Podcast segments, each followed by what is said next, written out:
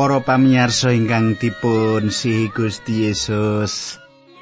Panjenengan pinanggi malih kalian kula Pendeta Pujianto. Kadang kula kados pundi pawartos panjenengan wonten ing pepanggihan menika menapa panjenengan tansah pinaringan sehat. Panjenengan bagas waras, muirah rejeki, inggih. Pandonga kula kados makaten kateng kula panjenengan tangsa binerkahan dening Gusti wonten ing lampah gesang panjenengan. Nah kados padatan kula badhe sesarengan kelan panjenengan wonten ing salebetipun adicara margi utami. Adicara menika kula dherekaken panjenengan sinau kayektosan kayektosan ing kitab suci menika lan Ugi kula dherekaken panjenengan nyemak saben-saben kayektosan ingkang dipun pratelaken kitab suci menika. Pengajeng-ajeng kula kanthi panjenengan midhangetaken adicara menika saged dados ngoyot anggen panjenengan pitados dumateng Gusti Yesus Kristus. Nah, sugeng midhangetaken adicara menika.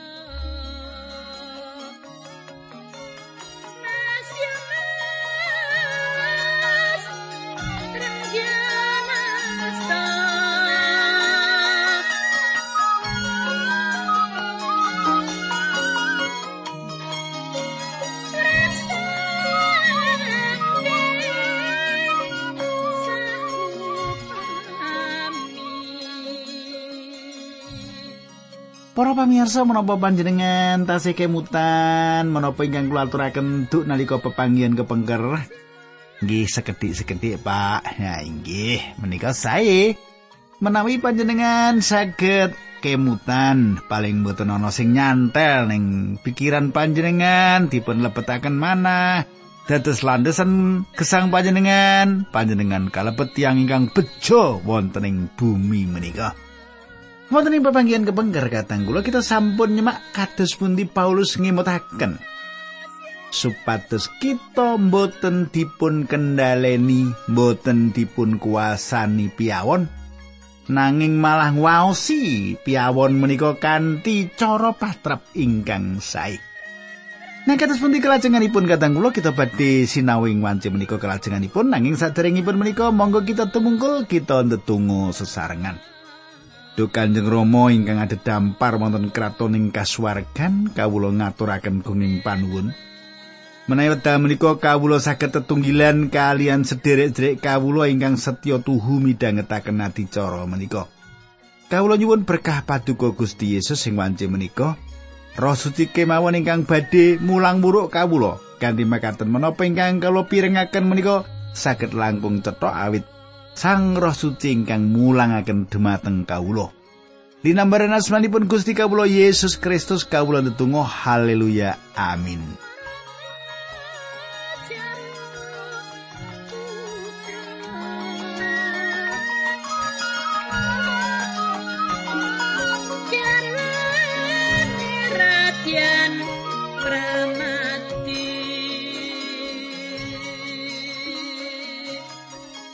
Para pamirsa ingkang kula tresnani, samenika pasinaon kita sampun lumebet ing selat Rum 13. Samenika pasinaon kita sampun lumebet ing selat Rum 13 ing salebetipun pasal 13 menika. Kita tasih sinau gegayutan peladosan putra-putranipun Gusti Allah. Kita badhe nyemak bilih tiang pitados gadah kewarga negaraan ing kasuwargan. Nanging ugi gadah kewarga negaraan wonten ing donya menika. Kanthi makaten gadah kalih tanggal jawab. Setunggal dateng kasuwargan setunggal dateng donya menika. Menawi kekalihipun lelawanan tanggal jawab ingkang kawitan kita inggih menika dumateng Gusti ingkang wonten ing swarga. Gusti Yesus maringi keterangan bilih kita gadah tanggal jawab dumateng pemerintahan donya menika. Panjenengan emut bilih Gusti Yesus nate dipun suwuni perso dening mengsah-mengsahipun menapa kula sami dipun keparengaken bayar pajak dumateng kaisar menapa mboten perlu. Menika pitakonanipun. Gusti Yesus dangu tiang-tiang menika kalian nedahaken arta perak. Gusti Yesus ngersakaken mucal tiang-tiang menika saking menapa ingkang dados gadahanipun. Panjenengan pirsa pilih Gusti Yesus mboten gadah arta perak ing wekdal semanten.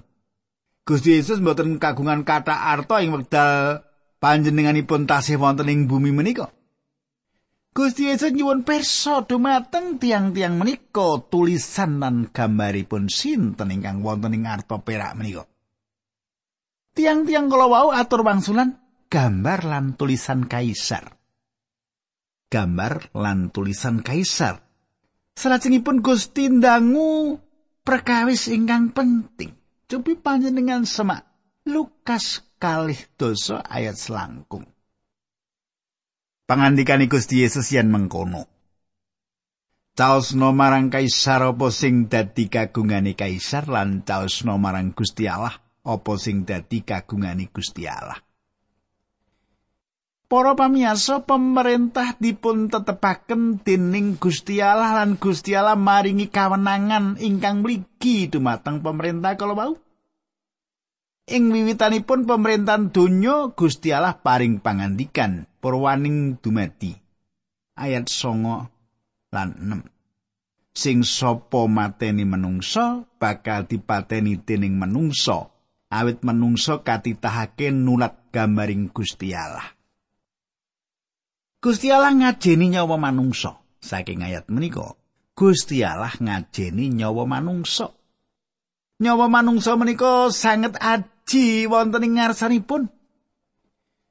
Panjenengan boten gadah hak mendet nyawa tiang sanes. Menawi panjenengan mendet nyawa tiang sanes, menawi panjenengan mendet nyawa tiang sanes, ateges panjenengan kecalan nyawa panjenengan piyambak.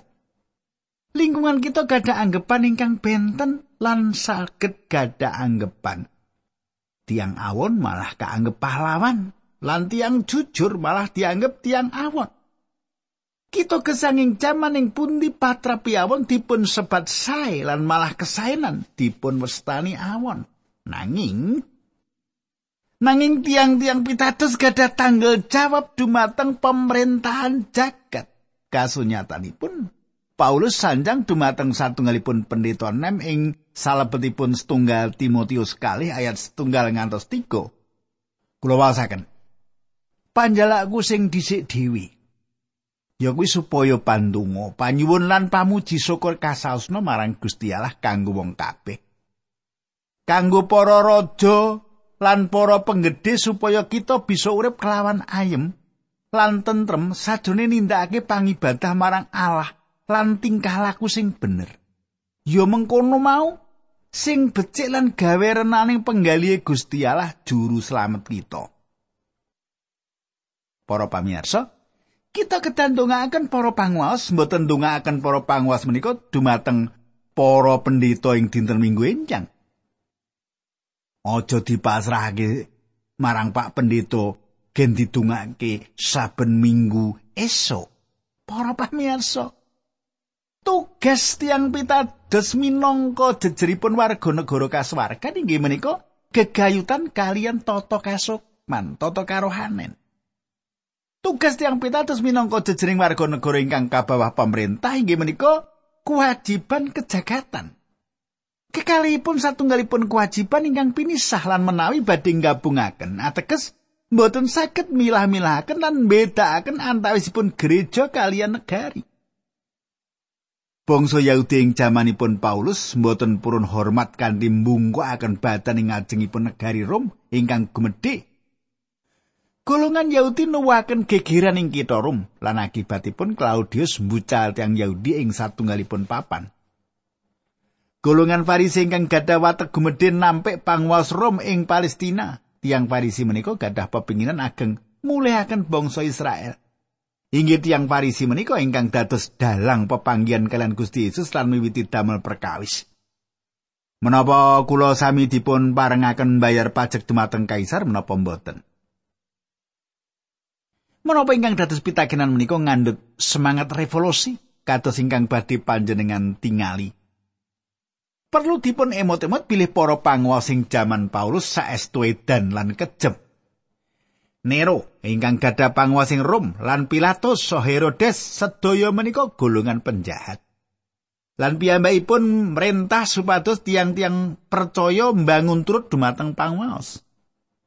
Nah kadang kula kita wasaken Rom 13 saya setunggal. Panjenengan semak nggih. Saben wong bangun turuta marang para panguasane negara. Sebab ora ana panguwasa sing anane tanpa kersane Gusti Allah lan para panguwasa sing ana kuwi kaadekake dening Gusti Allah. Para pamirsa, kita kedah bangun turut dumateng pemerintah. Alasanipun gampil. Pemerintah menika dipun tetepaken dening Gusti Allah. Panci leres bilih jagat menika darpeipun iblis lan kahanan boten adil kata korupsi ing saindenging pemerintahan nanging Gusti Allah tetep ingkang ngasta kendali. Sejarah inggih menika catatan gegayutan kados pundi pemerintah tuwuh kanthi subur ing salebetipun kemegahan lan raos bombong sinaosa namung sawetawis lan salajengipun ancur lan ambruk. Kenging menapa? Awit. Korupsi lan panera angger-angger tambah kathah. Ing salebetipun kahanan menika Gusti Allah mungkasi pemerintahan ingkang kados makaten menika Gusti Allah tetep kagungan panguwas malah ing jagat sawetahipun Gusti Allah mboten mandap saking dambaripun Panjenenganipun saweknite kreta kaagunganipun kanthi kamimbangan. Panjenenganipun ugi mboten kaganggu awit menapa ingkang dumados ing bumi menika. Para pamirsa panjenengan tasih kemutan bilih ing wekdal Sang Prabu usia raja Yudea pecah, Yesaya bingung. Lan alit ing manah Sang Prabu usia inggih menika satunggalipun raja ingkang sae Lan Yesaya gadah gagasan bilih pemerintahan badhe serno sasampunipun Sang Prabu Sia tilar donya. Kados Yesaya kisah dateng pedalaman suci ingkang dados papan ingkang pas dipadosi ing kahanan ingkang kados makaten. Yesaya sowan ing ngarsanipun Gusti Allah. Lan piyambakipun ningali Gusti ingkang sawek lenggah wonten ing damparing luhur lan mulya kanthi tembung sanes Gusti Allah mboten mandap saking dampar. Sang Prabu usia pecah nang Gusti Allah mboten. Gusti Allah tasih wonten ing dampar. Kasetyan tiang Kristen inggih menika wonten ing damparing Gusti Allah menika. Lan gegayutanipun kalian pemerintahan ing bumi kedah bangun turut. Para pamirsa ayat kali rum 13.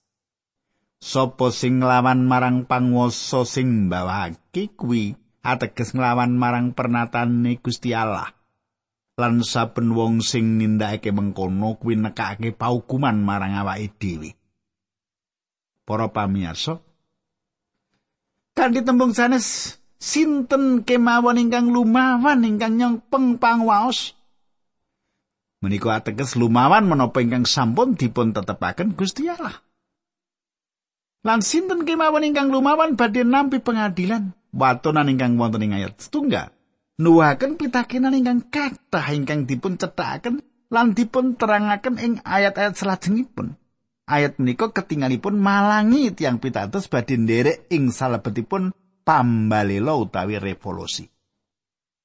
Kados pundi kekayutan kalian perkawis menika? James Stifir njebataken contoh-contoh saking Cromwell lan Washington. Tiang kali menika dados pemimpin revolusi, Stifler mboten nyukani kados pundi saenipun, kula ugi yakin kula mboten mangertos, nanging kula badhe mbudidaya ingkang paling sae kangge ngudari perkawis menika. Tiang pitados lumawan pemerintahan ingkang awon lan nyengkuyung pemerintahan ingkang sae atas teori pilih pemerintahan ingkang sae inggih menika pemerintahan ingkang ditetepaken dening Gusti Allah. Tiang pitados bangun turut dumateng paugeran lan perintah lan lumawan panerak dumateng paugeran. Tiang pitados menika bangun turut ing kejujuran lan keadilan lan lumawan korupsi lan barisan patrap mboten adil. Ing jaman-jaman krisis ageng ing salebetipun sejarah lan ing mriku kemawon kita wonten ing wekdal tiang-tiang pitados angel damel putusan. Para pamirsa, kula badhe ngaturaken pemanggih kula secara ringkes. Lan kula yakin pemanggih kula menika selaras kalian menapa ingkang kasrat ing sejarah. Sawetawis dinten pungkasan ingkang kula yakini nggih menika ing ing wekdal menika panerak paugeran kathah dumados. Tiang pitados kedal lumawan panerak-panerak menika tiang-tiang pitados mboten kenging dados perangan saking tiang-tiang ingkang nerak paugeran menika malah kalebet ing salebetipun pemerintahan menika piyambak. Kita perlu ngatos-atos dumateng tiang-tiang ingkang badhe ngribah pemerintahan kita kanthi samudana badhe ndadosi.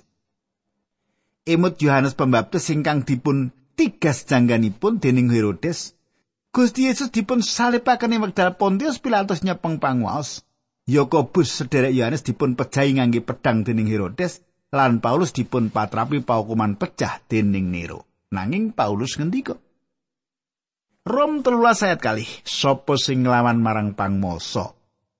Sing bawahake kuwi ateges nglawan marang pernatane Gusti Allah. Lan saben wong sing nindakake mengkono kuwi nekake paukuman marang awake dhewe. Awit saking menika kekristenan mboten nate dados perjuangan ingkang ngandhut tujuan dandosi pemerintahan. Perjuangan Kristen mboten biyantu lingkungan utawi resik-resik kita. Injil inggih menika panguwasipun Gusti Allah ing salebetipun kawilujengan kangge sedaya tiyang. Paulus mboten nate mubeng-mubeng nyukani mangertos kahanan ingkang mrihatosaken ing salebetipun pakunjaran-pakunjaran Rom lan Paulus mangertos kahanan pakunjaran menika kanthi sae saking lebet. Ing wekdal Paulus dumugi ing Rom. Satunggalipun abdi Gusti kalian istrinipun sonjo dateng pakunjaran Mamartin. Abdi Gusti menika ngraosaken ajri awit papan menika ciut lan katutup. Abdi Gusti kalawa sanjang dumateng istrinipun, "Ayo metu saka kene wae." nanging Paulus mboten saged medal. Pemerintahan Rom nawan Paulus sing papan ingkang anyep lan peteng. Paulus nyerat dumateng Timotius. Kalih Timotius kawan ayat 13. Yen kowe mrene jubahku sing ndak tinggal ana ing kutha Troas ing omahe Karpus gawakno. Buku-buku gawanan pisan dene sing perlu dhewe sing ditulis ana ing lulang kae. Paulus kademen wonten ing pagunjaran menika. kademen Para pamirsa saestu angel mestani pilih para rasul menika kedah bangun turut dumateng pemerintahan ingkang risak. Awit pemerintahan menika ugi nindakaken korupsi, kathah partai ingkang rembak lan mikiraken kados pundi nyirnakaken kemiskinan, nanging kemiskinan menika tetep wonten. Wonten korupsi mriku. Menapa ingkang lepat? Ingkang lepat inggih menika manahipun menungso. menapa ingkang sakmestinipun dipun tindakaken tiang Kristen. Pendamelan kula inggih menika martosaken pangantikane Gusti Allah lan bangun turut dumateng angger-angger. Inggih menika ingkang dipun kajengaken Paulus ing mriki. Kekristenan sanes satunggalipun gerakan ingkang gadah tujuan ndandosi pemerintahan utawi mbiyantu masyarakat ngresiki kita. Kekristenan kedah martosaken Injil ingkang isinipun panguwasipun Gusti Allah atas kawilujengan ingkang badhe nyiptakaken pribadi-pribadi ingkang merdeka lan ingkang maringi pemerintahan hukum mboten wonten ingkang lepat gegayutan pemerintahan kita kalepatan wonten ing tiang-tiang ingkang nyepeng pangwaos. Samenika kita lajengaken Rom 13 ayat 3 lan sekawan nggih. Sebab wong sing nindakake kabecikan ora perlu wedi karo panggedhe. Kejaba yen wong mau nglakoni piolo apa kowe kepengin urip tanpa wedi marang wong sing nyekel panguwasa yen mengkono padha nindakno apa sing becik supaya kowe padha oleh pangalemi sebab wong sing nyekel panguwasa kuwi abdine Gusti Allah sing nyambut gawe murih becikmu nanging yen kowe nindakake piolo wis sak mestine kowe wedi sebab panguwasa kuwi abdine Gusti Allah wenang hukum lan nindakake bebendune Gusti Allah tumrap wong sing nglakoni piolo para pamirsa pemerintah kedan jejekaken paugeran lan tatanan. Menawi pemerintahan mboten nindakaken perkawis menika pramila pemerintahan ingkang kados makaten menika badhe gagal. Kula raos tiyang Kristen kedah lumawan dumateng panerak paugeran lan tatanan menika. Kita kedah nyukani pikurmatan dumateng para panguwas kita ingkang jejekaken angger-angger. Rom 13 ayat gangsal kuwi sebabe kowe kudu padha mbangun turut marang para panguwasa ora mung merga saka bebendune Gusti Allah wae nanging uga merga saka rumangsaning ati kita dhewe. Kadang kula tiyang Kristen kedah bangun turut dumateng angger-angger mboten namung awit kita badhe dipun adili. lan kedah bayar denda awit saking kedah bayar denda nanging panjenengan kedah bangun turut demi ingkang wonten telenging manah panjenengan piyambak. Ayat 6. Iya merga saka kuwi kowe padha kewajiban bayar pajak sebab para panguwasa kuwi padha nyambut gawe kagem Gusti Allah. Srana padha nglakoni kewajibane. Para pamirsa. Sinaosa kita mboten sekeca awet arta pajak kita dipun ginakaken, kita tetep kedah bayar pajak. Ing salebetipun ayat menika nyambut gawe kagem Gusti Allah inggih menika tembung ingkang saking tembung menika kita manggihaken tembung liturgi. Tembung menika saestu asipat agami lan tembung ingkang sami dipun ginakaken kangge malaikat ing serat Ibrani setunggal ayat 18 ingkang sinebat roh-roh ingkang ngladosi. Tembung menika leripun panguwas nyepeng kalenggan ingkang dipun tetepaken dening Gusti Allah. Tiang menika mboten gadah ginomu pangat secara agami mesti kemawon mekaten. Nanging tiang menika nyepeng kalenggan ingkang dipun tetepaken Gusti Allah. ingkang kita betahaken samenika inggih menika kebangunan rohani ingkang dipun kintun saking kasuwargan. Kadang kala kita nek menawi ningali laku jantranipun tiang-tiang ingkang nyepeng kalenggal ingkang nindakaken korupsi nanging kados pundi kemawon tiang pitados kedah bangun turut dumateng pemerintahanipun. Tiga welas ayat piturum mulane padha mbayar marang panguwasa apa sing dadi kewajibanmu. yen pajek ya pajek yen hormat lan pakaring ya ngurmatana lan padha eringa. Para pamirsa, Sinaosa kata sanget yang ingkang boten pantes sing satunggalipun kalenggan menika, kita kedah ngajeni kalengganipun, kita kedah nyukani pikurmatan dumateng anggenipun nyepeng pangwaos. Tiang Kristen badhe dados warga negara ingkang sae sinaosa keluarga negaranipun inggih menika wonten ing swarga. Ayat 8. Aja padha duwe utang marang sapa wae kejaba utang katresnan marang padha sedulur. Sapa sing tresna marang sapepadane kuwi sing nglakoni angger-anggeri Gusti Allah. Para pamirsa, menapa panjenengan ngampil mesin babat rumput gadahipun tonggo, panjenengan wangsulaken dumateng tonggo panjenengan. He para istri, menapa panjenengan ngampil gula cangkir saking tonggo, tulung panjenengan wangsulaken. Ampun utang menapa-menapa saking sinten kemawon. Ing mriki kita manggihaken Paulus ngendika kanthi tegas bilih tiyang pitados mboten kenging utang menapa kemawon dumateng sinten kemawon kajawi katresnan. Inggih menika satunggalipun watonan ageng ingkang nuntun tiang Kristen ing salebetipun tetumbas kanthi cara ngangsur. Panjenengan tentu gadah pitakenan manut panjenengan menapa kedah kita masrahaken kartu kredit. Mboten. Nanging langkung saya panjenengan saged ningali kanthi triti cara panjenengan supados saged membayar utang-utang panjenengan. Para pamirsa tiang pitados tangsa utang katresnan dumateng tiang-tiang sakiwa tengenipun. Mboten kok namung tetangga ing sisih griya panjenengan, nanging sedaya tiang ingkang wonten kekayutanipun kalian panjenengan. Katresnan menika mboten wonten kekayutanipun kalian rasa pangrasa. Kula radi mboten patos cocok ing wedal golongan liberalisme terus-terus ngrembak babakan katresnan, katresnan lan katresnan. Kados pundi cara panjenengan nglairaken katresnan?